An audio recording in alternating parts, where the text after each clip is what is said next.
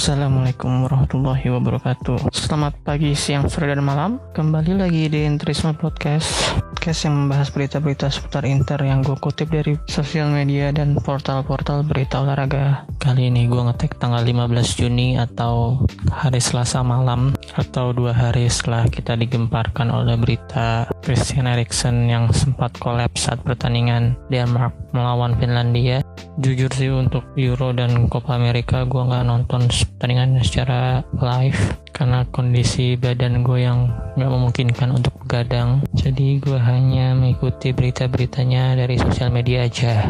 Seperti yang udah kita ketahui bahwa Inter mengirimkan beberapa pemainnya untuk berlaga membela timnas negaranya masing-masing di Euro 2020 dan Copa America 2021 ini. Untuk Euro terlebih dahulu, di Italia sebenarnya kita menyumbangkan tiga pemain, tetapi Sensi ternyata harus ditarik karena mengalami cedera, jadi hanya menyisakan Bastoni dan Barella. Untuk Belgia kita menyumbang striker andalan kita Romelu Lukaku, kemudian untuk Slovakia kita menyumbang Milan Skriniar, Belanda Inter menyumbang De Vrij, Kroasia, Inter menyumbang seperti biasa Ivan Perisic dan Marcelo Brozovic dan yang terakhir untuk Denmark kita menyumbang Christian Eriksen. Yang sayang sekali di pertandingan pertamanya kemarin harus terkapar di menit-menit akhir babak pertama. Sampai sekarang belum ada keterangan lanjutan dari tim kedokteran dari timnas Denmark atau tim dokter dari Inter. Pastinya akan sangat ditinjau dengan teliti kondisi Christian Eriksen saat ini. Dan mari kita doakan aja yang terbaik untuk Eriksen dan yang pasti sih gue maunya dia masih bisa tetap bermain untuk Inter dan bisa melanjutkan karir sepak bolanya. Dan untuk Copa America, Inter menyumbangkan 4 pemain, yaitu di Argentina ada Lautaro Martinez, di Chili ada Arturo Vidal dan Alexis Sanchez yang sayang sekali ya. Kondisi Alexis masih cedera dan kemungkinan baru bisa bermain ketika lolos ke perempat final. Kemudian di Uruguay kita menyumbang Matias Vecino. Untuk Copa America kali ini, tim pesertanya hanya ada 10 tim, nggak ada tim yang invitation karena biasanya ada tim-tim dari benua lain yang diundang untuk mengikuti Copa America, biasanya dari benua Afrika atau Asia. Kemudian untuk Euro 2020 saat gue ngetek podcast berarti match day pertama oh, sudah bertanding semua untuk match day pertama. Untuk Italia berhasil menumbangkan Turki dengan skor 0-3 Belgia juga berhasil menumbangkan Rusia dengan skor 3-0 Slovakia juga berhasil menumbangkan Polandia dengan skor 1-2 di mana Milan Skriniar berhasil menyumbangkan satu gol penentu kemenangan dan mendapatkan man of the match di pertandingan itu. Oh iya selain Milan Skriniar Romelu Lukaku juga berhasil mendapatkan uh, man of the match ketika melawan Rusia kemarin. Terus Belanda juga berhasil menumbangkan Ukraina dengan skor 3-2. Sayang sekali tim yang gagal meraih hasil positif hanya Kroasia yang harus kalah 1-0 dari Inggris dari gol Raheem Sterling ketika mendapatkan assist yang sangat cantik dari Yorkshire Pirlo main bintang Inggris yang mainnya sangat bagus banget. Kalau kata akun fanbase IPL awas ya. Dan satu lagi Denmark juga harus mengakui kekalahannya dari Finlandia dengan skor 1-0 Sedangkan untuk Copa America baru Argentina dan Chili doang yang sudah bertanding. Itu pun bertandingnya satu sama lain dengan skor imbang satu sama.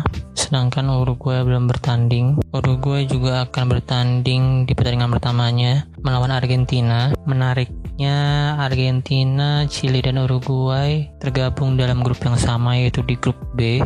Sedangkan di grup A terlihat lebih mudah karena ada tuan rumah Brazil, kemudian ada Kolombia, Peru, Ekuador, dan Venezuela. Inilah mengapa di Copa America juga sering ada isu kalau ada pengaturan atau segala jenis isu kecurangan di balik federasinya. Aku juga nggak mau ngomongin terlalu panjang karena aku juga nggak paham banget Oke, sekarang langsung aja ke prediksi gua. Kalau untuk Euro 2020 dari 6 grup, sistem tim yang lolos ada dua peringkat teratas dari tiap grup dan dua tim tambahan dari posisi tiga terbaik. Untuk grup A, menurut gua Italia akan menjadi posisi pertama dan posisi kedua akan diisi oleh Swiss. Kemudian untuk grup Belgia pasti akan menjadi pemuncak klasmen dan kayaknya Denmark masih bisa menemani Belgia di posisi kedua. Untuk grup C, Belanda akan menjadi posisi pertama dan di posisi kedua akan diisi oleh Austria. Untuk grup D, Inggris akan menjadi posisi pertama dan Kroasia berada di posisi kedua. Grup E Slovakia akan menjadi posisi pertama dan posisi kedua akan diisi Sweden.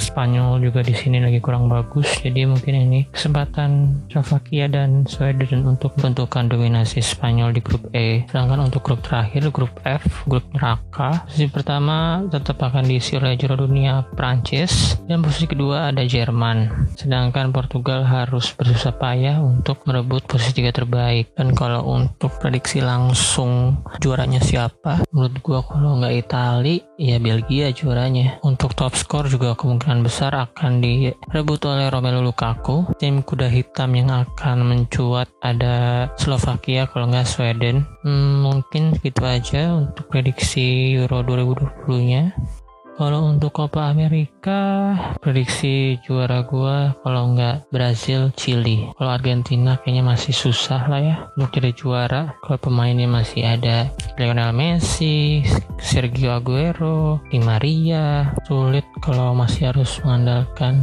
Messi sentris.